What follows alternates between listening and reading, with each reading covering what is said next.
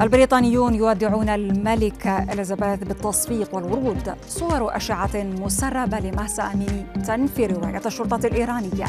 أول ظهور للفنان عادل إمام بعد إشاعة إصابته بالزهايمر. أبرز أخبار الساعات الأربع والعشرين الماضية في دقيقتين على العربية بودكاست. في مشاهد تاريخية ودع البريطانيون الملكة إليزابيث الثانية في جنازة رسمية مهيبة. شهدها عشرات الرؤساء والملوك والأمراء والوزراء. حول العالم بالإضافة إلى أكثر من مليون شخص اصطفوا في شوارع لندن. عشرات الآلاف اصطفوا على جانبي الطريق المؤدي إلى قلعة وينسور غرب العاصمة البريطانية. لمشاهدة مرور نعش الملكة التي دفنت إلى جانب زوجها الراحل الأمير فيليب داخل القلعة.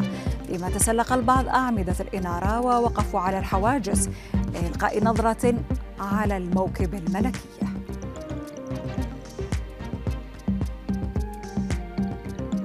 بعدما أكد الرئيس الأمريكي أن بلاده ستدافع عن تايوان في حال تعرضها لغزو صيني نددت بكين بتصريحاتها معتبرة أنها تشكل انتهاكا خطيرا لسياسة واشنطن حيال الجزيرة.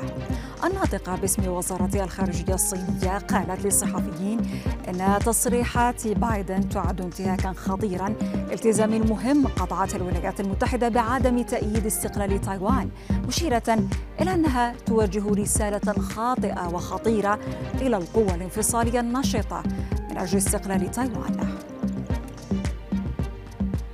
وفيما تتواصل ردود الفعل الغاضبة على مقتل مهسا أميني ونفي شرطة الأخلاق ضرب الشابة العشرينية وتعذيبها نشرت وسائل إعلام صور صور أشعة لأميني تدحض رواية الشرطة. موقع إيران انترناشونال حصل من قراصنة على صور الأشعة المقطعية للشابة والتي تظهر كسرا بالجمجمة في الجانب الأيمن من رأسها بسبب مضاعفات ناجمة عن ضربة مباشرة للرأس. فيما تظهر صور أخرى وجود إفرازات ودم في رئتيها ناتج عن دخولها في غيبوبة بعد ضربة قوية على رأسها وفق أطباء.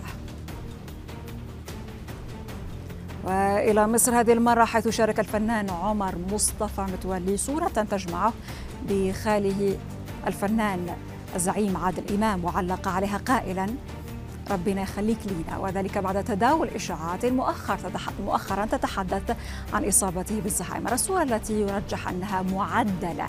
لإبداء الفنان بملامح أصغر سنا لقيت انتشارا واسعا بعد دقائق من نشرها على فيسبوك. فيما كان الإعلامي المصري محمد الباز أعلن عن إصابة الفنان بزهايمر مؤكدا عدم عودته للتمثيل مرة أخرى لكن شقيقه عصام نفى هذه التصريحات وشدد على أنه بصحة جيدة.